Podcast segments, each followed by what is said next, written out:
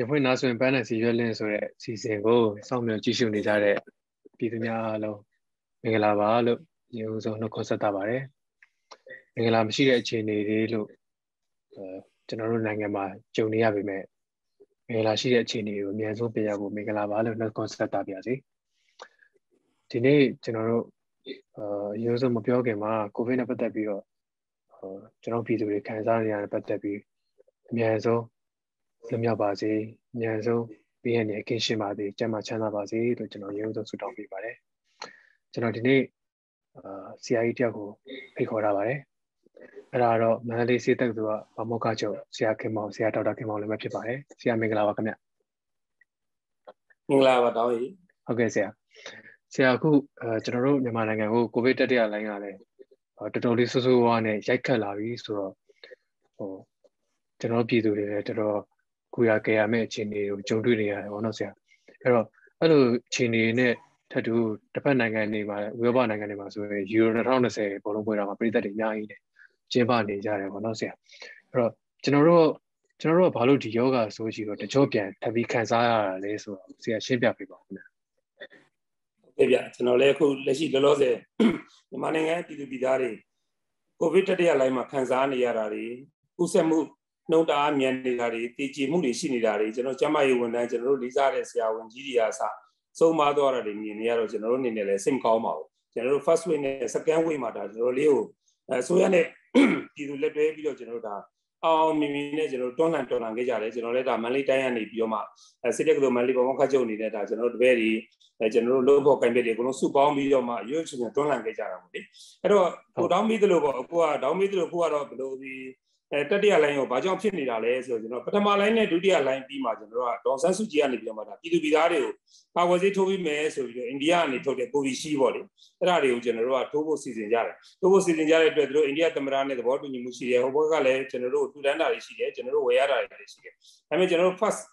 ဟိုပါပေါ့ first priority နဲ့ကျွန်တော်တို့ကကျန်းမာရေးဝန်ထမ်းတွေကိုဦးစားပေးပြီးထိုးလိုက်တာပေါ့ အဲ့ဒါ January လလောက်မှာကျွန်တော်တို့စပြီးထိုးကြတယ်ကျွန်တော်တို့စီရောက်လာတယ်ထိုးတော့ကျမကြီးဝန်ထမ်းတွေကျွန်တော်ကျောင်းဝန်ထမ်းတွေအကုန်လုံးကျမကြီးနဲ့ပတ်သက်တဲ့လူတွေတော်တော်များများထိုးလိုက်ရတာပေါ့နော်ပေါ့အကုန်လုံးလုတ်ထားပြီးသားမှာဖေဖော်ဝါရီလ1ရက်နေ့မှာ2021ခုနှစ်ဖေဖော်ဝါရီလ1ရက်နေ့မှာအဲဆီယနာရှင်ဆိုရကနေပြီးတော့နိုင်ငံတော်အာဏာကိုတရားသိမ်းပိုက်လိုက်တဲ့အချိန်မှာကျွန်တော်တို့အဲ့ဒီကာကွယ်ဆေးထိုးလုပ်ငန်းတွေပြတ်သွားတာပေါ့သူကကျတော့အဓိကကတော့သူကဒီယောဂကိုကာကွယ်ဖို့တို့ကတော့ကာကွယ်ဆေးထိုးဖို့ထိုးရမယ်လူတိုင်းလူတိုင်းကာကွယ်ဆေးနှစ်ကြိမ်ထိုးရမယ်ပထမတစ်ကြိမ်ထိုးမယ်နောက်တစ်လကြာရင်တစ်ကြိမ်ထိုးမယ်နှစ်ကြိမ် ထိုးမိသွားလို့ရှိရင်တော့100%ကျွန်တော်တို့က coverage မရပြီမလဲတော့ 60to 70%လောက်ကတော့ coverage ရတယ်လို့ယူဆပြီးတော့မှအဲဒါ ကာကွယ်ဆေးနဲ့ပတ်သက်ပြီးတော့လေပြည်သူလူထုကြားထဲမှာတော့တန်တရားတွေအများကြီးရှိတာပေါ့နော်ကာကွယ်ဆေးထိုးလိုက်ရင်တည်သွားမလားကာကွယ်ဆေးထိုးပြီးဆိုတာတရက်နှစ်ရက်ဖျားကြတယ်နားတယ်ကြိုက်တယ်ပေါ့လေအဲ့ဒါလေးတွေရှိကြတဲ့အခါကျတော့ကျွန်တော်တို့ကလည်းကာကွယ်ဆေးထိုးတဲ့လူမထိုးတဲ့လူကဘယ်သူတွေလဲအဲ့ဒါမျိုးတွေလုပ်ပြီးတော့မှ session နဲ့အောက်ကလေးတွေမထိုးရဘူးနောက်ပြီးတော့မှသူကလက်ရှိလောလောဆယ် covid positive ဖြစ်တဲ့လူတွေထိုးစရာမလိုဘူးမထိုးသင့်ဘူးပေါ့လေနောက်ပြီးတော့မှတော့ကိုဝင်ဆောင်မျိုးသမီးတွေမထိုးရဘူးဆိုတဲ့ဟာမျိုးလေးတွေနဲ့ဒါကျွန်တော်တို့အကုန်လုပ်ပြီးတော့မှ အဲ့ criteria ကနေဖယ်ပြီးတော့မှထိုးသင့်တဲ့လူတွေအကုန်လုံးကိုကျွန်တော်တို့ကကျန်းမာရေးဝန်ထမ်းတွေထိုးလိုက်ရတယ်ပြည်သူလူထုကိုမထိုးလိုက်ရဘူးမထိုးလိုက်ရတာမထိုးလိုက်ရတဲ့အတွက်အခုတတိယလိုင်းရောက်လာတဲ့အချိန်မှာတောက်လျှောက်ကိုဒါအခုကျွန်တော်တို့ကလည်းဆရာနာရှင်ဆိုတော့တောက်လျှောက်တော်လာနေကြတာပေါ့အားလုံးသိတဲ့အတိုင်းတနိုင်ငံလုံးခါတဲ့ဒီလိုကလေးလူကြီးမကြံပေါ့လေဒါတောရွာမြို့နယ်မကြံအကုန်လုံးလုံနေကြတယ်ဆိုတော့အားလုံးသိပါပဲဒါတွေကတော့ကျွန်တော်ပြောစရာမလိုပါဘူးဒါပေမဲ့တို့ကိုဗစ်ကိုမမှုပဲနဲ့ပေါ့ဒီလိုကျွန်တော်တို့ဟိုအာနာရှင်ဆရာနာရှင်ဆိုရတွန်းလှန်နေတဲ့ချိန်မှာပဲကျွန်တော်တို့ ਨੇ အိန္ဒိချင်းနိုင်ငံတွေဖြစ်တဲ့ထိုင်းနိုင်ငံတို့အိန္ဒိယနိုင်ငံတို့မှာတတိယလိုင်းစိုးစိုးဝါဖြစ်လာကြတယ်စိုးစိုးဝါဖြစ်လာကြတဲ့ခါကျတော့ကျွန်တော်တို့ကအဲ့ဒီအချိန်မှာကြိုတင်ကာကွယ်မှုလုပ်ငန်းတွေကိုကျွန်တော်တို့အပြည့်အဝမလုပ်နိုင်ဘူး။ဘာကြောင့်မလုပ်နိုင်လဲဆိုတော့သူကဆီယနာရှင်ဆိုရကိုကျွန်တော်တို့ကလည်း CDN ဆိုတဲ့ဒီ civil disobedient movement နဲ့တွန်းလှန်နေတဲ့အချိန်မလို့ကျမရဲ့ဝန်ထမ်းတွေအလုံးလောက်မရှိဘူးဖြစ်နေတာပေါ့ကျွန်တော်တို့လုတ်နိုင်တယ်လို့လုတ်လို့မရဘူးလုတ်ချင်တယ်လို့လုတ်ခွင့်မရှိဘူးပေါ့လေအဲကျွန်တော်တို့ ဆရာဝန်တွေတော်တော်များများလည်းဆေးရုံကိုမသွားကြဘူးပေါ့သွားကြတဲ့အခါကျတော့ဒီဆေးရနာရှင်အောင်မှာလုံးမလုပ်ကြဘူးဆိုပြီးဒါကျွန်တော်တို့ CDA ကျွန်တော်တို့ကိုယ်တိုင်ဥဆောင်နေဆရာဇော်ဝေသူတို့ကိုယ်တိုင်ဥဆောင်ပြီးတော့မှကျွန်တော်တို့လုပ်နေကြတဲ့အတွက်သူတို့ဒီလက်ရှိလောလောဆယ်စစ်ကောင်စီဆိုရနဲ့စစ်ကောင်စီနဲ့တွဲပြီးတော့လှုပ်ဆောင်နေကြတဲ့ non CDN ဆရာဝန်တွေကျမကြီးဝန်ထမ်းတွေအင်အားမမျှတတဲ့အခါကျတော့ဘလို့ဖြစ်လာလဲဆိုတော့သူကဒီဟာကိုကာဝယ်ဖို့အတွက်ကျွန်တော်တို့ဘလို့မှမစွမ်းဆောင်နိုင်စွမ်းဆောင်နိုင်တဲ့အတွက်ဒါတစ်ချိန်ချိန်မှာတော့ဒါကျွန်တော်တို့ရောက်လာမယ်ဆိုတော့သိတယ်ဒါပေမဲ့သိတဲ့ သိပြင်လည်းကျွန်တော်တို့မစွမ်းဆောင်နိုင်ခဲ့ဘူးကျွန်တော်တို့ပြည်သူလူထုကိုကျွန်တော်တို့ကာကွယ်ဈေးနဲ့မကာကွယ်နိုင်ခဲ့ဘူးဖြစ်သွားတာပေါ့အဲ့ဒါကြောင့်မလို့လဲဒါကျွန်တော်တို့အခုလောလောဆယ်မှာအိန္ဒိယနိုင်ငံတွေကနေတဆင့်ဝင်လာတဲ့ကိုဗစ်တတိယ line delta strain လို့ခေါ်တယ်ကျွန်တော်တို့ကသူက covid ကလည်းအဲသူကလည်းသူကမျိုးဗီဇတွေပြောင်းလဲပြီး strain တွေတစ်ခုတစ်ခုပြောင်းလဲနေတာပေါ့လေနောက်ဆုံးကတော့ delta strain လို့ခေါ်တယ်ကျွန်တော်တို့အဲ့ strain ကိုအခုကမြန်မာပြည်သူလူထုတွေခံစားနေရပြီပေါ့ခံစားနေရပြီးတော့အဓိကတည်ရခံတော့နံပါတ်1ကတော့ဆီယနာရှင်ဆိုရပေါ့လေသူကတည်းဟိုဒီအာနာကိုမမောပြီးတော့မှဒါကျွန်တော်တို့ရဲ့လက်ရှိ အဲရွေးရွေးချယ်တင်မြှောက်ခံဆိုရအောင်မတရားအာဏာသိမ်းပြီးတော့မှသူတို့လှုပ်ထားတဲ့အတွက်ကျွန်တော်တို့ဒီအဲတတိယလိုင်းလာမယ်ဆိုတော့တိပြမယ်လေထိထိရောက်ရောက်မကာကွယ်နိုင်တဲ့အတွက်ကျွန်တော်တို့လောလောဆယ်သူများနိုင်ငံတွေနဲ့မတူဘူးကျွန်တော်တို့ခုအဲအိန္ဒိယမှာအောက်ဆီဂျင်အိုးဝယ်ဆောင်ရတဲ့အနေအထားမျိုးတွေဖြစ်လာပြီဆေးရုံတွေမှာလည်းလက်မခံနိုင်တော့ဘူးဆေးရုံမှာရှိတဲ့ non serious ဆရာတွေကလည်းကျွန်တော်တို့ကိုဗစ်လူနာတွေကိုအပြည့်အဝ ကုသပေးနိုင်တဲ့အရေးချင်းနဲ့အရေးအတွက်မရှိကြဘူးဖြစ်နေတယ်သူတို့ဒီလက်မှတ်ထုတ်ရုံပဲဆေးရုံသွားပြီးတော့အိမ်မှာပဲနေနေကြတယ်သူတို့ဒီအဓိကတော့ non CDN ဘဝကိုခံယူပြီးတော့မှအပြင်ဆေးခန်းတွေမှာဆေးကုစားဖို့လောက်အတွက်ပဲ non CDN ခံယူပြီးတော့မှပြည်သူလူထုကိုကုသဖို့အတွက်စေတနာမရှိတဲ့ဆရာဝန်တွေသွားစုနေတယ်စစ်ကောင်စီဆိုရဘက်မှာစုနေတဲ့အတွက်ကျွန်တော်တို့ပြည်သူလူထုတွေခုလောလောဆယ်မှာတော့လူလင့်ခံနေရတာပဲဒါကျွန်တော်တို့ဘက်ကတော့တက်နိုင်တယ်ပြီးကတော့ဒါကျွန်တော်တို့အဲကြိုတင်ကာကွယ်တဲ့ဒီလမ်းပေါ့အဲ့တော့ပြည်သူလူထုတွေကိုကျွန်တော်ပြောချင်တာကတော့အခုလောလောဆယ်တပ်ဝိတ် ကူးစက်တာအမြင်နဲ့အရင် first wave နဲ့ second wave မှာဖြစ်တဲ့ strain တွေကတော့လူတစ်ယောက်ကနေလူနှစ်ယောက်လောက်ကိုပဲကူးစက်နိုင်တယ်ဒါလည်းတော်တော်လေးနီးကပ်မှာတော်တော်လေး mask မတက်ထားမှာကူးစက်တာပေါ့အခုကကြတော့ဒီ strain ကကြတော့လူတစ်ယောက်ကနေပြီးတော့ mask မတက်ထားလူယောက်20ကိုအလင်းမြန်ပေါ့အချိန်တိုအတွင်းမှာကူးစက်တယ်အဲ့လိုလူများများကူးစက်နိုင်တဲ့အဲသူ့ရဲ့ quality ရှိနေတာပေါ့ရှိတဲ့အတွက်လူကြီးတော်တော်များများကကျွန်တော်တို့ဘန်တွေသွားကြတယ်တန်းစီကြတယ်လက်ဖေးဆိုင်တွေမှာထိုင်ကြတယ်အပြင်ထွက်ပြီးတော့မှဒါကျွန်တော်တို့ဆေးရနာရှင်ဆိုးရကိုတွန်းလှန်ကြတယ်တော်လှန်ကြတယ် အဲလူစုယုံစုယုံနေတဲ့နေရာတွေပေါ့ဗျာအဲ့ဒီနေရာတွေမှာပြန်နော်အဲ့တော့တော်လှန်ရေးရတယ်နည်းနည်းကြာလာတယ်ငါးလပိုင်းဖြစ်လာတဲ့အခါကျတချို့တွေကလည်းပန်းလာကြတယ်ပန်းလာကြပြီးတော့မှသူကအဲစိတ်ပန်းလူပန်းနဲ့စိတ်တက်ကြနေတဲ့အချိန်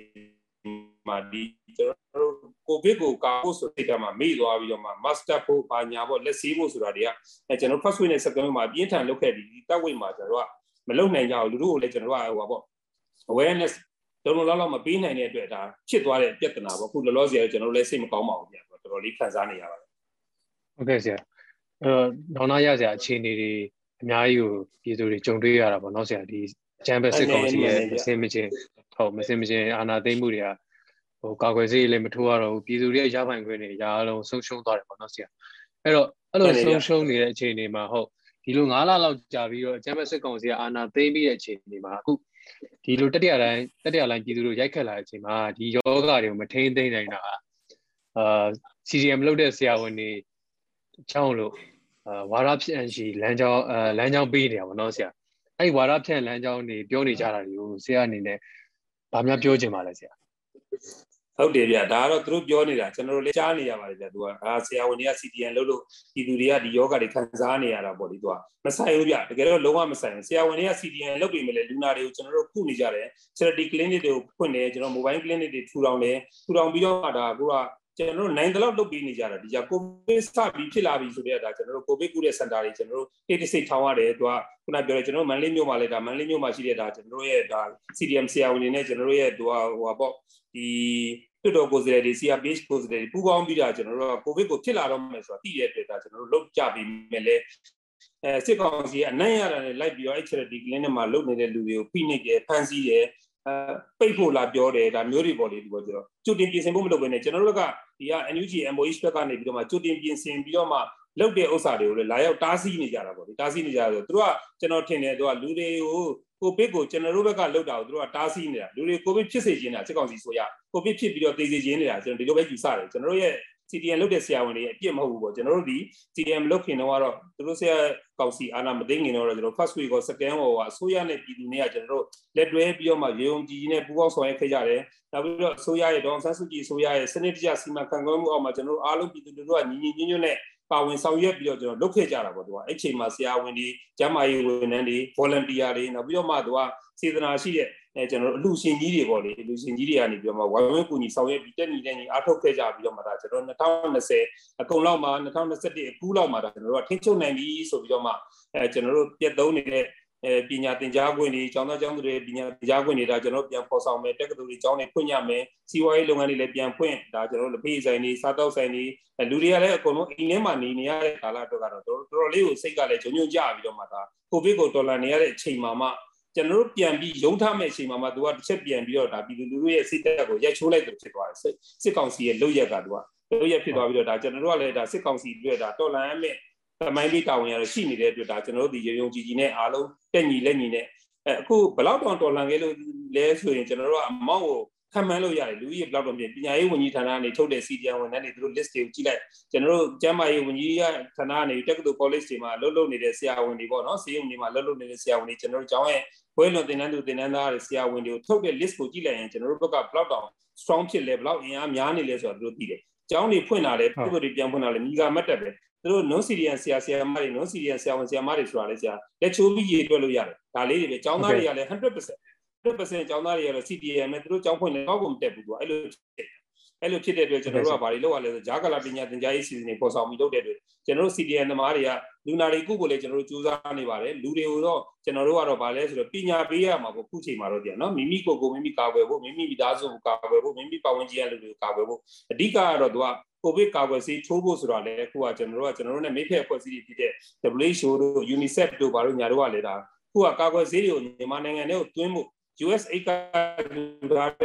ကာဝစီရမြန်မာနိုင်ငံကိုတွင်းဖို့အခက်အခဲတွေဖြစ်နေကြတယ်သူတို့စက္ကစကိုလည်းတိမှမပြုဘူးအဲကျွန်တော်တို့ NUG နဲ့ကြတော့လေသူချိတ်ဆက်ဖို့ကြတော့လေသူကစက္ကစမျက်နှာကိုကြည့်နေရတဲ့ဟိုအနေအထားမျိုးဖြစ်နေတဲ့အခါကျတော့သူတို့ဒီအဲကျွန်တော်တို့ဘယ်သူဘက်ကိုလိုက်ရမလဲဆိုတော့သူတို့မဝေခွဲနိုင်ဘူးအလုံးတွေ့ဝေနေတဲ့အတွက်ကျွန်တော်တို့ဒီကကာကွယ်ဆေးရဖို့လည်းနောက်ကျနေတယ် နောက်ကျနေတဲ့အတွက်ကျွန်တော်တို့ပြည်သူလူထုကိုကာကွယ်ဆေးတွေထိုးပေးဖို့ဒီကိုဗစ်ရောဂါ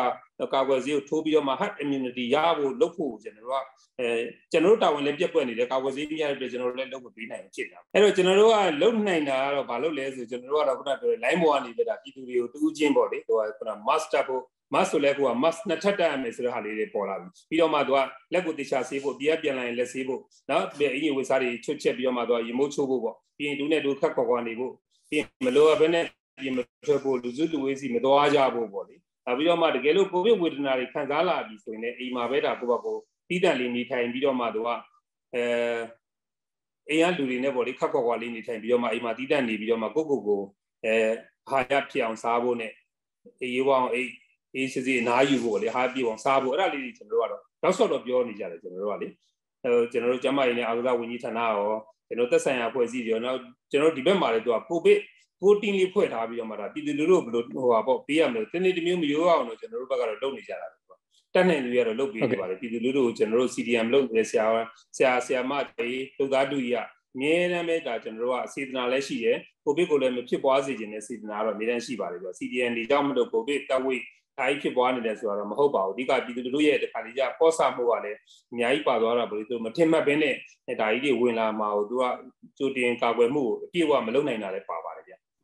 ဟုတ်ကဲ့ဆရာအဲ့တော့ဟောကျွန်တော်တို့ပြည်သူနဲ့ NUG ရဲ့ဟိုအခုချိန်မှာထပ်ပြီးတော့မှစစ်ကောင်စီကိုတော်လှန်နေရင်းနဲ့ဒီလိုပြည်သူတွေအတွက်ကာကွယ်မှုတွေလုပ်နေတဲ့အခြေအနေတွေကူညီမှုလုပ်နေတဲ့အခြေအနေအားလုံးစစ်ကောင်စီကလိုက်လံချက်စီးနေတာလိုက်လံပိတ်ပင်နေတာတွေလိုက်လံတားဆီးနေတာတွေကကျွန်တော်တို့သတင်းတွေမှာလည်းဖတ်ရပါတယ်ပြည်သူတွေနေနဲ့လည်းသိမယ်လို့ထင်ပါတယ်ဆရာပြီးတော့အဲ့တော့စစ်ကောင်စီကကျွန်တော်တို့ကျွန်တော်တို့ရဲ့ကျွန်တော်တို့ပြည်သူတွေအတွက်ဟိုတမင်သက်သက်ဒုက္ခဖြစ်ဖို့အတွက် ဟိုဒုက္ခပေးဖို့များဟိုတမင်လုံနေသလားအောင်မေးရလားဟိုတခါလေခံစားမိပါတယ်ဆရာ။ဘာဖြစ်လို့လဲဆိုတော့နိုင်ငံတကာအကူအညီမဲ့အကူအညီတွေကိုလည်း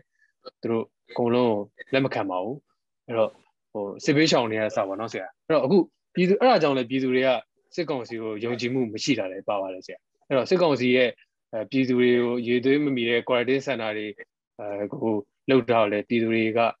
အင်မတန်အင်မတန်ရှုံချတယ်အင်မတန်ယုံကြည်မှုအားနည်းပါတယ်ဆရာအဲ့တော့ အဲ့ quarantine center တွေကိုလည်းပြည်သူတွေကမသွားချင်ပါဘူးဆရာအဲ့တော့အိမ်မှာနေပြီးတော့ပဲကိုဗစ်ကိုဘယ်လိုကာကွယ်ရမလဲနောက်ဆုံးကိုဗစ်ဖြစ်လာပြီဆိုရင်ပြည်သူတွေအနေနဲ့ကိုယ့်ဘာသာကိုဘယ်လိုမျိုးကုရမလဲဆိုတာလေးကိုဆရာပြောပြပေးပါအောင်ပြည်သူတွေသိအောင်လို့ မှန်တယ်အဲ့ဒါလေးကအိမ်မှာနေပြီးတော့နေထိုင်တာကုသတာကိုမပြောခင်ပေါ့လေဒါကျွန်တော်စကန်ဝိတ်မှာကျွန်တော်တော်တော်လေးကိုဒါကျွန်တော်တို့ဒါ ARD Foundation နဲ့ကျွန်တော်တို့ပူးပေါင်းပြီးတော့မှဒါမန္တလေးမှာလည်း COVID Center တွေလုပ်တယ်ဟိုကျွန်တော်တို့ရဲ့တိုက်ဒေသကြီးဆိုရပေါ့လေဝန်ကြီးချုပ်တွေနဲ့ပူးပေါင်းပြီးတော့မှ quarantine center တွေထောင်ရတယ်အဲပြီးတော့မှဒါကျွန်တော်တို့ဘာတွေလုပ်ကြလဲဆိုတော့ treatment center တွေပေါ့ treatment center တွေလည်းကျွန်တော်တို့လုပ်ကြတယ် အဲ့တော့တော့တကယ်ဟိုတက်ညီလက်ညီနဲ့လုပ်ကြတာပေါ့နော်တကယ်ဟိုခါတည်းဟိုကျွန်တော်တို့ကစစ်ဆေးပြီးတယ်စစ်ဆေးပြီးတော့ force လေ force တမားကိုကုတယ်အဲကျွန်တော်တို့ HTU လို့ခေါ်တဲ့ high dependency unit တွေထူထောင်တယ် ICU ဆိုတဲ့ intensive care unit တွေထူထောင်ပြီးတော့မှလူနာတွေကိုကျွန်တော်တို့လူကောင်းဆိုတဲ့လူကောင်းသက်သက်အေးဖြစ်တဲ့လူလည်းအေးဖြစ်တဲ့လူသက်သက်ပေါ့လေသူကအစားအသောက် စေဝါအစဘာမှသွားဟောပေါ့ဒီဆရာဝန်ကြီးတွေလိုတဲ့စေဝါမှန်တယ်မြလူနာတွေလိုတဲ့စားတော့မှန်တယ်မြဟောဒါလူရှင်တွေနဲ့မြို့နေလူရှင်တွေနဲ့ပူးပေါင်းပြီးတော့မှဒါကျွန်တော် foundation တည်ထောင်တဲ့လူတွေနဲ့ပူးပေါင်းပြီးလုပ်ခဲ့ကြတာပေါ့လေအခုသူတို့လုပ်တဲ့ quarantine center တွေတွေ့တဲ့အခါကျတော့ဒါပြည်သူတွေကလည်းသူတို့သိတယ်ရှင်ပြီးတော့ဒါကျွန်တော်တင်လိုက်ကြတာတွေ့တယ်သူတို့လုပ်တဲ့ကိုပြစ်တာတာနဲ့ဖြာချမ်းခင်းထားတဲ့ဟာနဲ့ကျွန်တော်တို့ဒီ ARI foundation တော့ကျွန်တော်ပူးပေါင်းပြီးလုပ်ခဲ့ကြတာတော့တကယ်ကိုလူတယောက်ကိုလူလူလိုတန်ဖိုးရှိအောင်ပေါ့ကျွန်တော်တို့က လေးလဲလေးစားတယ်တန်ဖိုးလဲထားတယ်လူသားတွေရဲ့အကြမ်းမှာကြန့်ခိုင်မှုလဲတာကျွန်တော်တို့ကလေးထားပြီးလုပ်ခဲ့ကြတာပေါ့လေအခုတော့ကျွန်တော်တို့ဒီကာလမှာစစ်ကောင်စီရဲ့နှောက်ယှက်ဖြစ်စည်းတဲ့ဟာတွေကြောင့်လို့ကကျွန်တော်ဘလို့မှအဲ့လိုမလုပ်နိုင်တော့ဘူးဖြစ်နေတယ်ကျွန်တော်တို့ဘက်ကလည်းလူရင်အားမပေးနိုင်တော့ဘူးဟိုဘက်ကလည်းသူကလူရှင်တွေဘက်ကလည်းမလုပ်နိုင်တော့ဘူး volunteer တွေကလည်းမရှိဘူးဆိုတော့ပြည်သူတွေဒီအခုကဘယ်သူအားကိုးရမလဲဆိုတော့မိမိကိုမိမိသာအားကိုးရတော့မယ်အဲ့တော့ကိုဗစ် တကယ်လို့မှကိုဗစ် -19 ရောဂါကူးစက်ခံရလို့ကိုယ့်ကိုယ်တန်တရားရှိတယ်ဘယ်ရှင်တန်တရားရှိမလဲဆိုတော့နှာစီးမယ်ချောင်းဆိုးမယ်ဖျားလာမယ်တက်ရှူနေနဲ့ကြက်လာမယ်တချို့ကတော့အခုဒီ Delta strain ရဲ့ထူးခြားချက်ကတော့ကျွန်တော်တို့အစာရင်နဲ့ဦးလန်းကြောင်းနဲ့ပတ်သက်တဲ့ဟာတွေပေါ့ပြိုတာအန်တာတွေဖြစ်လာမယ်ဝင်းလျှော့တာတွေဖြစ်လာမယ်ဘိုင်းအောင်ဘိုင်းနာတာတွေဖြစ်လာမယ်အရေးပြားနဲ့ပတ်သက်လို့အရေးပြားပေါ်မှာအကွက်တွေဖြစ်လာတယ်ပါဒါဒီ Delta strain ရဲ့ထူးခြားချက်ပေါ့အဲ့လိုတွေဖြစ်လာမယ်ဆိုရင်ကျွန်တော်တို့ကတော့ခုနလိုမျိုးပေါ့မိမိအိမ်မှာခုနကျွန်တော်ပြောခဲ့သလိုပဲ နံပါတ်1ကတော့တီးတန့်နေထိုင်ရတော့မယ်တီးတန့်နေထိုင်ရတော့ကိုယ်ခန်းလေးနဲ့ကိုတီးတန့်နေထိုင်ရမယ်အိမ်သားတွေနဲ့တရောတနောတူတူသမင်းတဝိုင်းနဲ့စားလို့မရတော့ဘူးပြန်နော်နောက်ပြီးတော့မှကိုယ့်ရဲ့အတူတူသုံးနေရတဲ့ဟာမျိုးတွေရှိတယ်တချို့ရေချိုးကန်းတို့တန့်စင်ကန်းတို့အတူတူသုံးရမယ်ဆိုရင်ဒီခန်းတွေကိုကျွန်တော်တီးတန့်အချိန်ကြီးတတ်မှတ်ပြီးတော့သုံးရမယ်အနေအထားမျိုးရှိတယ်ကိုအိပ်ရမယ်နေကိုကိုအိမ်မှာနားနေမဲ့အခန်းလေးကိုလည်းတတ်မှတ်ရှင်းရှင်းလေးလုပ်ထားပြီးလေဝင်လေရွက်ကောင်းအောင်လင်းအောင်ကောင်းကောင်းရအောင်လုပ်ရမယ်။နောက်ပြီးတော့မှသူကအဖျားတွေပါရှိလာမယ်ဆိုရင်တော့ပါရာစီတမောတောက်လို့ရတယ်။တစ်ခါတော့တစ်လုံးနဲ့တစ်နေ့ကို၃ချိန်ကနေ၄ချိန်ထိတောက်လို့ရတယ် ပါရာစီတမောလည်းတချို့အသေးမကောင်းတဲ့လူတွေနဲ့မတည့်ဘူးပါညာဆိုတချို့ပါရာစီတမောတစ်လုံးတော့မတောက်ရတဲ့လူတွေရှိကြပါပေါ့ပါရာစီတမောတော့အဖျားကျရင်လွယ်လွယ်လက်တောက်လို့ရပါတယ်။နော်ကိုခန္ဓာကိုယ်လည်းခုနလိုမျိုးပေါ့အဲနွေးနွေးထွေးထွေးနေရမယ်။အဲချောင်းဆိုးတာတွေပါဖြစ်လာမယ်အသက်ရှူကျက်လာမယ်ပေါ့အဓိကတော့ပါတော့ရမယ်ဆိုတာမုံမီတာလေးနဲ့အမှန်မှန်လေးတိုင်းကြည့်ရမယ်ကိုအဖျားဘယ်လောက်ရှိနေလဲ။အမတိချက်ကခုနအေးမမိအောင်အေးမပတ်အောင်နေရမယ်။ဒီချိုးတာတွေစင်ရင်ရမယ်။ပြီးတော့မှအစားအသောက်ကိုအားပြေးအောင်စားရမယ်။နောက်တစ်ခုကတော့ပြည်သူတွေက အဲလော30ဝယ်စုနေတဲ့အောက်ဆီဂျင်ပေါ့သူလက်မှာတိုင်းတဲ့ဟိုဒီ pass oximeter လို့ခေါ်တဲ့အားလေးတွေရှိတယ်အဲ့ဒါလေးတွေဝယ်ရတာဘယ်တော့မှမပေးရပါဘူးကျွန်တော်ထင်တာတော့တောင်းကနန်းလောက်ပဲရှိပါတယ်2300ကနေ5000ကနေ2300လောက်ပဲရှိတယ်အဲ့ဒါလေးတွေကိုယ့်အိမ်မှာစောင့်ထားပြီးတော့မှ pass oximeter လေးနဲ့ပုံမှန်လူတယောက်ဆိုရင်60ခွန်68 69ပေါ့တချို့အစိုးအကောင်းတဲ့လူဆို100အထိရှိပါတယ်တိုင်းလိုက်ရင်ကျွန်တော်တို့ဆိုချိန်မျိုးတိုင်းလိုက်68လောက်တော့ရှိတယ်အဲဒီ pass oximeter နဲ့တိုင်းတဲ့ SpO2 က အဲ62အောက်ကျသွားပြီဆိုရင်တော့အောက်ဆီဂျင်လေးနည်းနည်းရှူလို့တင်တယ်အဲဒါလည်းပေါ့တချို့တွေကအောက်ဆီဂျင်ပေါ့မျိုးတွေပေါ်မှာတော့အဆင်ပြေမယ်ဆိုတော့ကလေးမျိုးလိုဟာမျိုးတွေနည်းနည်းလေးအောက်ဆီဂျင်ကနည်းနည်းလေးဝယ်ဟွာပေါ့ဝယ်ရပြရတာခက်လာတယ် အဲတချို့အောက်ဆီဂျင်တွေကလည်းကျွန်တော်တို့ဟွာဆိုမန္တလေးမြို့ဆိုရင် Play Brighter Foundation ကနေပြီးတော့လကားပေးနေကြတာပေါ့အခုအဲ့ဒီ foundation ကိုလူတွေအောက်ဆီဂျင်အိုးတွေလူကြတယ်တက်ဆိုင်လူတွေကအဲ့ဒီ foundation ကနေပြီးတော့မှ Play Brighter Foundation ကနေအောက်ဆီဂျင်တွေတွန်းကားပြီးတော့အိမ်မှာရှူရမှာပေါ့ရှူတဲ့အခါမှာကြောက်မယ်လို့တော့ pipe ကမျိုးမျိုးရှိတယ်ပြောကြတယ်တရားရိုးရိုးတန်းတန်းရှူတဲ့ဟာရှိတယ်အဲသူကနေ plastic bag လေးနဲ့ပါတဲ့ဟာတွေရှိတယ် mask နဲ့ OP ရှူရတာတွေရှိတယ်အဲ့ဒါလေးတွေကိုတော့ကျွန်တော်တို့ကတော့စောင့်ထားရမယ်အဲ့တော့အိမ်မှာနေရင်းနဲ့ အသက်အန္တရာယ်ရှိတဲ့လူတွေကဘယ်သူလဲဆိုတော့နံပါတ်1ကအသက်ကြီးတဲ့လူတွေသူကအသက်60 80ကျော်တွေနောက်ပြီးတော့ယောဂအခန့်ရှိတဲ့လူတွေစီးကြိုသွေးတို့နှလုံးရှိတဲ့လူတွေနောက်ပြီးတော့မှကင်ဆာယောဂကိုကုသနေရပြီးတော့မှကင်ဆာဆေးတွေထိုးသွင်းတောက်နေရတဲ့လူတွေမှာတော့တော်တော်လေးကိုဒါကျွန်တော်တို့ကတော့သတိထားမယ်အနေထားမျိုးပေါ့လေလူငယ်လူရွယ်တွေကတော့ဒါကြီးစိတ်ပူစရာမလိုခုနကကျွန်တော်ပြောတဲ့အချက်လက်တွေအိမ်မှာနေနေလဲနိုင်ဖြစ်တယ်အဲ့တော့ပြည်သူလူထုကိုကျွန်တော်တို့သတင်းစကားပါကျင်တာတော့ဖြစ်ပြီဆိုရင် အိမ်မှာပဲနေပါကိုပေါ့တီးတီးတက်တက်လေးနေထိုင်ဖို့ကြိုးစားပါအိမ်မှာရှိတဲ့အသက်ကြီးတဲ့လူတွေကိုမကူးပါစေနဲ့အသက်ကြီးတဲ့လူတွေအတွက်ကိုလည်းဒါတီးတက်တကယ် special precaution မှာတချို့ကအိမ်ထဲရောက်တာနဲ့ mask ကိုချွတ်လိုက်တာပေါ့နော်ဒီလိုလူမျိုးပေါ့တကယ် positive ဖြစ်တဲ့လူဒါမှမဟုတ်လည်းအိမ်မှာပဲအဲတန်တရားဖြစ်တဲ့လူတယောက်ကကိုယ့်အိမ်မှာရှိနေတယ်တီးတက်နေမယ်ဆိုအိမ်သားတွေကလည်းအိမ်ထဲမှာနေနေကို mask တက်မယ် surgical mask တစ်ခုတော့တက်ထားရမယ်အဲအစားအသောက်စားတဲ့ချိန်တော့ပဲကျွန်တော်တို့က mask ကိုချွတ်ပြီးတော့မှ အဲယောဂဖြစ်ပွားတဲ့တန်တရားရှိတဲ့လူအိမ်မှာနားနေတဲ့လူသူကိုယ်တိုင်လည်း master ထားရမယ်အိမ်သားတွေကလည်း master ထားရမယ်အခုအိမ်သားတွေနဲ့ထမင်းတူတူမစားဘူးတီးတန့်လေးစားရမယ်အဲခုနပြောတဲ့ဒါမှလည်းမလွဲတာမရှောင်တာပေါ့အတူတူသုံးရမယ်ဒီချိုးကိုင်းတို့အလိုတက်ဆင်ကိုင်းတို့လည်းတီးတန့်အချိန်ကြီးထားပြီးတော့မှတကားလက်ကိုင်းတို့ဘာလို့ညာတို့ပေါ့အဲ့မှာယောဂဘုကူးဆက်နိုင်တဲ့နေရာတွေကိုတော့ကျွန်တော်တို့ကခုနပြောတဲ့ဒီ spray လေးတွေဖြန်းပြီးတော့မှဒါယောဂပိုတက်ရမယ်အနေထားမျိုးပေါ့လေဘာလို့လို့ပဲဘာကန်ကန်ပေါ့သူက hand sanitizer လေးနဲ့ spray လေးတွေနဲ့လက်ကိုအမြဲတမ်းတန့်ရှင်းတက်ရက်ပြီးတော့မှနေမယ်ဆိုရင်တော့ အဆင်ပြေပါတယ်ဗျတိတ်ခက်ခက်ခဲကြီးလည်းမဟုတ်ပါဘူးဒီ delta ဆွေးရကူးစက်မှုကမြန်တာပါလူတရာမှာ positive လူနာတရာမှာ80ရာခိုင်နှုန်းကဘာယောဂမှ ကြီးကြီးမားမားမပြဘဲနဲ့ပြန်ကောင်းနိုင်ပါတယ်ဗျသူက20ရာခိုင်နှုန်းကတော့နည်းနည်းလေးစိုးတယ်အဲဆေးရုံတက်ဖို့လိုတယ်သူကအောက်ဆီဂျင်90နှစ်အောက်ကိုကျသွားပြီးတော့မှသူကလူတရာမှာ20လောက်ကတော့အောက်ဆီဂျင်ကျပြီးဆေးရုံရောက်လို့အောက်ဆီဂျင်ရှူတယ်ပြန်ကောင်းတဲ့လူနာတွေရှိတယ်အဲ့ထက်က9ရာခိုင်နှုန်းကတော့ခုနကလိုမျိုးယောဂအခန့်လည်းရှိမယ်အသက်အရွယ်လည်းကြီးမယ်ဆိုရင်တော့9ရာခိုင်နှုန်းကတော့အသက်အန္တရာယ်စိုးရိမ်ရတဲ့အနေအထားမျိုးမှာ5% mortality rate ရှိတယ်လို့ကျွန်တော်တို့ကတော့ဒါပြည်သူတွေကိုအသိပေးခြင်းပါတယ်ဗျသူကအဓိကကတော့သူကလူကြီးတွေကတော့ပြင်ထွက်ပဲနေတယ်အခုကျွန်တော်တို့မြင်နေရတာတော့ ပတ်စံချမ်းသာတဲ့လူတွေငွေကြေးတက်နိုင်တဲ့လူတွေတောင်မှဖြစ်နေတယ်ဆိုတော့သူတို့ဒီဒီယူလဲဆိုင်တဲ့အိမ်ကြီးလည်းမထွက်ဘူးဒါပေမဲ့အိမ်ကနေပြင်ထွက်တဲ့လူကတော့ဗာလဲဆိုဈေးသွားဝယ်တယ်စားတော့ထွက်ဝယ်တဲ့လူဈေးသွားဝယ်တဲ့လူတွေကနေပြင်ထွက်ပြီးပြန်လာတဲ့အခါကျသေသေးချာချာ precaution မလုပ်လို့အိမ်သားတွေကူးဆက်ခံနေရတယ်လို့ကျွန်တော်ယူဆတယ်လို့အပြင်ထွက်တဲ့လူတွေကိုတော့သတိထားပြီးသူပြင်ထွက်တဲ့ကလည်း mask ထပ်တတ်မယ်ပြန်လာလက်သေးချဆေးမယ်အင်ကြီးဝတ်စားတွေချွတ်ပြီးတော့မှချောပြုလို့ တော့မှသူအိမ်မှာရှိတဲ့လုပ်မယ်ဆိုရင်တော့ဒါလည်းထင်ပါတယ်ကြဟုတ်ကဲ့ဆရာဟုတ်ကဲ့အဲ့တော့ဆရာကျွန်တော်တို့ပြည်သူတွေအနေနဲ့ဟိုခုလိုမျိုးဖြစ်လာပြီဆိုရင်ဆရာကပြောတဲ့စင်ကျင်တင်တာလေးတွေမဖြစ်ခင်မှာကာကွယ်တင်တာလေးတွေကိုပြည်သူတွေအနေနဲ့နားလည်မယ်အဲနားလည်သွားမယ်လို့ထင်ပါတယ်ပြီးတော့အဓိကကိုကိုကိုပဲကာကိုပြီးတော့မှကာကွယ်အောင်ဖြစ်တဲ့အတွက်စိတ်သက်စိတ်သက်ကြက်ခံဖို့လည်းလိုအပ်တာပေါ့နော်ဆရာ အဲ့တော့မှန်တယ်မှန်တယ်ဟိုစစ်ကောင်ဟုတ်ကဲ့အခုစစ်ကောင်စီကဒီသူတို့တက်တွေထဲမှာလည်းကာကွယ်သေးထိုးထိုးနေတယ်ပေါ့နော်ဆရာထိုးပေးတယ်ပေါ့ထိုးတဲ့သူတွေကလည်းအခုထိုးတာထိုးတယ်ပြန်ဖြစ်နေကြတယ်ပေါ့နော်ဆရာတတူကိုဆက်မှုချင်းကတော်တော်ဆိုးနေတယ်လို့ကြားရပါတယ်ဆရာအဲ့တော့ကာကွယ်အဲ့ဒါကကာကွယ်ဆေးတွေကိုစနစ်တကျမတူလောင်တာမတူလောင်ထားလို့လားဒါမှမဟုတ်အောက်ခြေဝန်ထမ်းတွေကိုတေချာဂယူမဆိုင်တာမျိုးတွေ ဖြစ်နိုင်ပါတယ်ဆရာအဲ့တော့ဟိုကျွန်တော်သိချင်တာကအာကာကွယ်ဆေးနဲ့ပတ်သက်ပြီးအာပြည်သူတွေအနေနဲ့ဘယ်လိုကာကွယ်ဆေးမျိုးကိုရုံကြည်နဲ့ထိုးတင်လဲဆိုတာလေးကိုပြောပြပေးပါဦးဆရာဟုတ်ကဲ့ဗျကာကွယ်ဆေးကတော့အဲလူတိုင်းထိုးတင်ပါတယ်နံပါတ်1ချက်ကတော့လေကာကွယ်ဆေးထိုးပြီးသားလူကတော့ဘာတွေဖြစ်လဲဆိုတော့ဒီသူဒီကာကွယ်ဆေးထိုးထားတဲ့အတွက်ယောဂမကူးဆက်နိုင်ဘူးဆိုပြီးတော့သူ့ရဲ့ false sense of security ပေါ့သူကအဲ့လိုလေးတွေထင်မှားမြင်မှားဖြစ်ပြီးသူဒီလုံလောက်တဲ့ကာကွယ်မှုကိုမလုပ်တဲ့အတွက်ကာကွယ်ဆေးထိုးပြီးသားလူကလည်းယောဂကူးဆက်နိုင်ပါတယ်ကာကွယ်ဆေးမထိုးရသေးတဲ့လူကတော့ပို့ပြီးတော့ကူးဆက်နိုင်တာပေါ့နော်ကာကွယ်ဆေးတွေကတော့ကဘာပေါ်မှာမျိုးမျိုးစားစားတွေအများကြီးရှိတာပေါ့ကာကွယ်ဆေးကယောဂပိုးအဓိကတော့ကာကွယ်ဆေးဆိုတာတော့ယောဂပိုးအနုစားလေးကိုခန္ဓာကိုယ်လေးကိုထိုးသွင်းလိုက်ပြီးတော့မှခန္ဓာကိုယ်ကနေပြန်ပြီးတော့မှပရိစီဝပစ္စည်းတွေထွက်လာပြီးတော့ဒီဟာကိုတိုက်ဖြတ်ပြီးတော့မှဒါဒီနောက်ထပ် ဝင်လာမဲ့ယောဂအစစ်တကယ်ပိုးဝင်လာရင်အဲ့ဒါကိုခုခံဖို့အတွက်အဲခန္ဓာကိုယ်ကပဲဒီအရာတွေကိုပြန်ပြီးတော့ထုတ်တာဒီဥစ္စာတွေကိုပြန်ပြီးတော့ကျွန်တော်တို့ immune system တွေပြန်ထုတ်ပေးရတာပေါ့အဲ့တော့ကာကွယ်ဆေးမှာလည်းသူကယောဂပိုးအနုစားလေးတွေကိုယောဂပိုးအကောင်ကနေပြီးတော့မှလောက်ထားတဲ့ကာကွယ်ဆေးလေးတွေရှိတယ်ယောဂပိုးရဲ့ခြေထောက်တွေလက်တွေကနေပြီးတော့မှလောက်ထားတဲ့ဟာမျိုးလေးတွေရှိတာပေါ့ မျိုးစုံရှိပါတယ်အဲ့ဒါတွေကတော့လေဒါပေမဲ့ကျွန်တော်တို့ကတော့ဘာကာကွယ်ဆေးပဲရရပြည်သူတွေဒီကာကွယ်ဆေးကိုရုံကြည်ကြည်နဲ့ထိုးစေခြင်းနဲ့အကောင်းဆုံးဆိုတဲ့ကာကွယ်ဆေးတောင်မှကျွန်တော်60နဲ့80ရာခိုင်နှုန်းလောက်ပဲ ကာကွယ်နိုင်စွမ်းရှိတယ်လူတရားမှာထိုးလို့ရှိရင်လူ60လောက်က80လောက်ကမဖြစ်30လောက်ကတော့ဖြစ်နိုင်သေးတယ်အဲ့တော့ဘာကာကွယ်ဆေးပဲရရပေါ့ကျွန်တော်တို့ကတော့အရင်ရတာတော့အိန္ဒိယကာကွယ်ဆေးပေါ့လေကူပီရှိဆိုတာရထားတယ်အခုတရုတ်ကလည်းကာကွယ်ဆေးရမယ်ပြောတယ်အခုသူစစ်ကောင်စီဘက်ကလည်းကြီးညာတယ်သူကာကွယ်ဆေးတန်းနဲ့ချီပြီးဝင်လာမယ်ပြောတယ်ဒါပေမဲ့ကာကွယ်ဆေးဒီသူကကြတော့တကယ်ကို coaching process နဲ့တည်တည်ချာချာကိုထိမ့်သိမ်းထားမှကျွန်တော်တို့ကကာကွယ်ဆေးတွေကလည်းအာနိသင်ကောင်းတာပေါ့ဗျာသူတို့စစ်ကောင်စီကနေပြီးကျွန်တော်တို့စီကနေလွတ်ယူသွားတဲ့ကာကွယ်ဆေးတွေရှိတယ်အဲ့ဒါတွေသူတို့ထိုးတဲ့အခါကျတော့ coaching တွေကိုသူတို့တေချာမလုပ်နိုင်အောင် မလုပ်နိုင်တဲ့အတွက်သူတို့ဒီထိုးပေမဲ့လည်းအဲကာကွယ်ဆေးအာနိသင်အပြည့်အဝမရဘူးပေါ့ဒါတကယ်တော့ပြည်သူတွေကိုထိုးရမယ်ဆေးကိုသူလူယူသွားပြီးထိုးတဲ့အတွက်သူတို့လည်း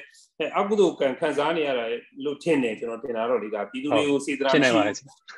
အဲ့ဒီအဲ့ဒီအကုသိုလ်ပဲသူတို့ခံနေရတာအခုကျွန်တော်တို့ကျွန်တော်ကြားတာတော့ကိုတိုင်းမှုတွေအစပေါ့ဖြစ်နေကြတယ်သူတို့ရဲ့ PE တွေဖြစ်တယ်သူတို့မိသားစုတွေဖြစ်တယ်ဒီလိုခုနပြောတဲ့အပေါ်ကသူ တို့အရာရှိကြီးတွေအစ်စ်အောင်ဖြစ်နေပြီဆိုတော့ရဲဘော်အစ်စ်ကတော့မပြောနဲ့တော့သူကကျွန်တော်ဖြစ်ချင်တိုင်းဖြစ်နေပြီကိုယ်ကိုယ်ချင်တိုင်းကူးဆက်နေကြတယ်ပေါ့လေဒီပြန်ကာကွယ်ဆေးထိုးပြီးမယ်တဲ့အဲ့တော့ပြည်သူတွေကိုကျွန်တော်တို့ကကာကွယ်ဆေးနဲ့ပတ်သက်ပြီးပြောချင်တာတော့ဘာကာကွယ်ဆေးပဲရရ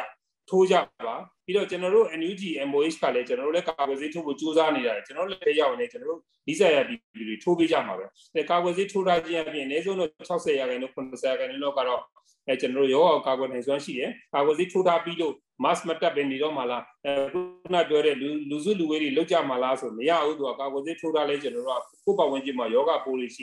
ရင်ထပ်ပြီးဖြစ်နိုင်တယ်ကျွန်တော်ကာကွယ်ဆေးကိုတော့ကျွန်တော်တို့ကရတဲ့ကာကွယ်ဆေးကိုရတဲ့ချိန်မှာထိုးထားရမယ်နှစ်ကြိမ်ထိုးမယ်ဆိုလည်းနှစ်ကြိမ်ထိုးပေါ့ပြောကြတော့ခုနလိုမျိုးကာကွယ်ဆေးတွေကတော့မျိုးမျိုးစားစားတွေရှိနေကြတာပေါ့နိအဲ့တော့ဆရာဆရာပြောသလိုဆိုရင်ပြည်သူတွေအနေနဲ့ NUG ရဲ့အဲပူပေါင်းဆောင်ရွက်မှုတွေကိုလည်း တေချာသတင်းနားဆွင့်ထားဖို့လိုအပ်ပါတယ်အဲ့တော့ကျွန်တော်တို့တွေပြည်သူနဲ့အတူတူအဲ NUG နဲ့ပြည်သူနဲ့အတူတူဒီကိုဗစ်တတိယလိုင်းကိုအဲကျော်လွှားနိုင်မယ်လို့ယုံကြည်ပါတယ်အဲ့တော့ပြည်သူတွေဘက်ကတော့အားရပါတယ်ဆရာပြီးတော့လေးစားဆရာလည်းကောင်းပါတယ်ပြည်သူအာဏာပြည်သူ့ကိုသာပြန်ပေးလိုက်ကိုဗစ်ကိုအတူတူအနိုင်တိုက်ပြမယ်ဆိုပြီးပြောနေရင်းနေကြတယ်ဖတ်ရပါတယ်ဆရာအဲ့တော့မနေ့ကျွန်တော်တို့ဟုတ်ကဲ့ဆရာအဲ့တော့မြို့သားညီညွတ်ရေးအစိုးရကျန်းမာရေးဝန်ကြီးအနေနဲ့ရော အာဒီယောဂဆိုပြီးတတိယလိုင်းကိုကြော်ဖြတ်နိုင်ဖို့ပေါ့နော်ခုမြို့သားစင်ကိုဗစ် -19 ကာကွယ်ထိန်းချုပ်ရေးကုသရေးကော်မရှင်ကိုဖွဲ့စည်းလိုက်တယ်ပေါ့ဆရာအဲ့တော့အဲ့ဒီဖွဲ့စည်းမှုကဘယ်လိုရည်ရွယ်ချက်နဲ့ဖွဲ့စည်းတာလဲပြည်သူတွေအတွက်ဘာတွေလှုပ်ဆောင်ပေးမလဲဆိုတာလေးကိုရှင်းပြပေးပါဦးဆရာမှန်တယ်ဗျဒါကျွန်တော်တို့ဒါဒေါအောင်ဆန်းစုကြည်ဆိုရခေတ်တုန်းကလည်းဒါဒေါအောင်ဆန်းစုကြည်ကိုလည်းပေါ့နိုင်ငံတော်တိုင်ပင်ခံပုဂ္ဂိုလ်ဥဆောင်ပြီးတော့မှသူကိုဗစ်ဘိုးကော်မတီဥက္ကဋ္ဌအ နေနဲ့သူဆောင်ရွက်ပြီးတော့မှနေ့စဉ်နေ့တိုင်းပေါ့လေသူကပြည်သူလူထုကိုကျွန်တော်တို့ကနေပြီးတော့မှ TV ကနေပြီးတော့မှတော့အဲ့တုန်းကတော့မြန်မာတန်လို့ TV တို့ဘာတို့ကနေသူအများနဲ့ပြောနေကြပါသူကဒါကျွန်တော်တို့ကနေအာနာချုပ်ကဲပြီးတော့မှဘဝကနေခွင့်ပြုမဲ့လောက်တာမဟုတ်ဘဲနဲ့ကျွန်တော်တို့ကဒီပြည်နယ်ပြည်မရောတိုင်းသားလက်နက်ကိုင်ဖွဲ့စည်းတွေမှာရောတိုင်းသားဒေသအသီးသီးတွေမှာရောအားလုံးပါဝင်ပြီးတော့မှကာကွယ်ထိတ်ချုပ်ကုသကြမယ်ဆိုပြီးတော့ကျွန်တော်တို့အတူတကွလက်တွဲဆောင်ရွက်ကြမယ်ပေါ့ကျွန်တော်တို့ကဒီကမူဝါဒတွေချမှတ်မယ်အားလုံးအဓိကတော့ အဲအမေတော်ဆက်စုကြည်ရှိတော်ကလည်းပြောတယ်ပြည်သူသားအဓိကပြည်သူသားအဓိကပြည်သူအားမပိုင်ဘာမှလုပ်လို့မရဘူးဒါကျွန်တော်တို့လည်းပြည်သူတွေနဲ့လက်ပြီးဆောင်ရွက်ကြမယ်နောက်တစ်ခုကတော့ကျွန်တော်တို့ဗာလဲဆိုတော့သူက WHO တို့လို့ UNICEF တို့လို့ UN တို့လို့အဲကျွန်တော်တို့ဒါအ ကူညီပေးနိုင်တဲ့အဖွဲ့အစည်းတီးတီးတွေကိုဒါကျွန်တော်တို့ကနေပြီးဒီသမရကနေပြီးဒီကော်မတီရဲ့ကိုစားပေါ်ကျွန်တော်တို့ကနေပြီးတော့စာတွေပို့မယ်ရေးကြမယ်ဒါမြန်မာနိုင်ငံမှာဖြစ်ပွားနေပြီထိန်းချုပ်လို့မရတော့ဘူးကျွန်တော်တို့ epidemiological point of view ပေါ်လေကျွန်တော်ကြည့်ရမယ်ဆိုရင်တော့နောက်2လ3လဒီတိုင်းသာဆက်သွားမယ်ဆိုရင်တော့လူ8000ကနေလူ4သိန်းလောက်အထိကျွန်တော်တို့ဖိတ်စင်ရှိနိုင်တယ်ဆိုပြီးတော့ကျွန်တော် data တွေကတွက်ချက်မှုတွေရ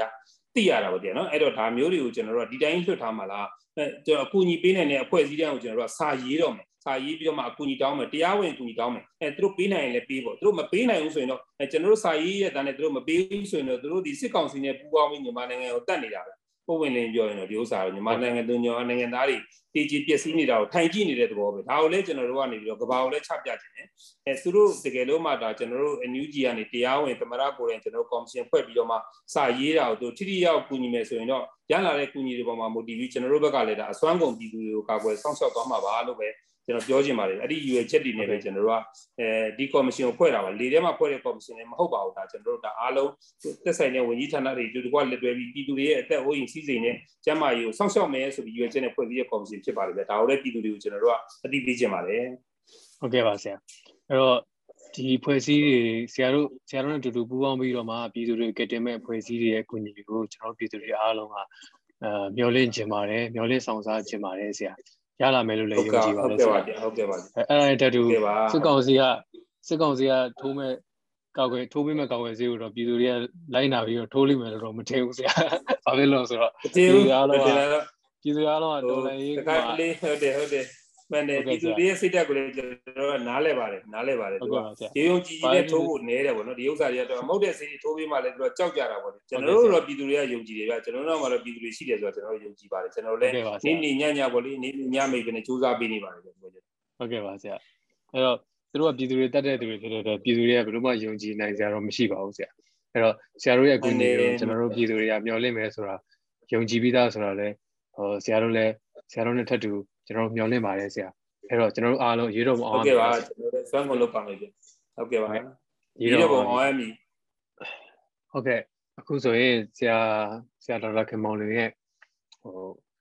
ပြည်သူတွေအတွက်မှာကြားတဲ့စကားလုံးတွေပြည်သူတွေဆောင်ရရှောင်းရည်တွေကိုဗစ်နဲ့ပတ်သက်ပြီးပြည်သူတွေဆောင်ရရှောင်းရည်တွေကိုသိရှိထားပြီလို့အဲကျွန်တော်ပြောလင်းပါတယ်အဲ့တော့အခုကျွန်တော် COVID-19 နဲ့ပတ်သက်ပြီးအဲ Facebook လေးထဲမှာဖတ်ရတဲ့ စာလေးတစ်ပုဒ်ကိုကျွန်တော်ဖတ်ပြချင်ပါတယ်အဲ့ဒါတော့ကျွန်တော်ကိုဖတ်ပြပါမယ်ပထမ line နဲ့ COVID-19 ပထမ line နဲ့ဒုတိယ line ကိုပြည်သူနဲ့အစိုးရကြားယုံကြည်မှုပြည်သူနဲ့အစိုးရကြားပူးပေါင်းဆောင်ရွက်မှုအစိုးရရဲ့စနစ်ကျတဲ့စီမံခန့်ခွဲမှုနဲ့ပြည်သူလူထုရဲ့ညီညွတ်စွာလိုက်ပါဆောင်ရွက်မှု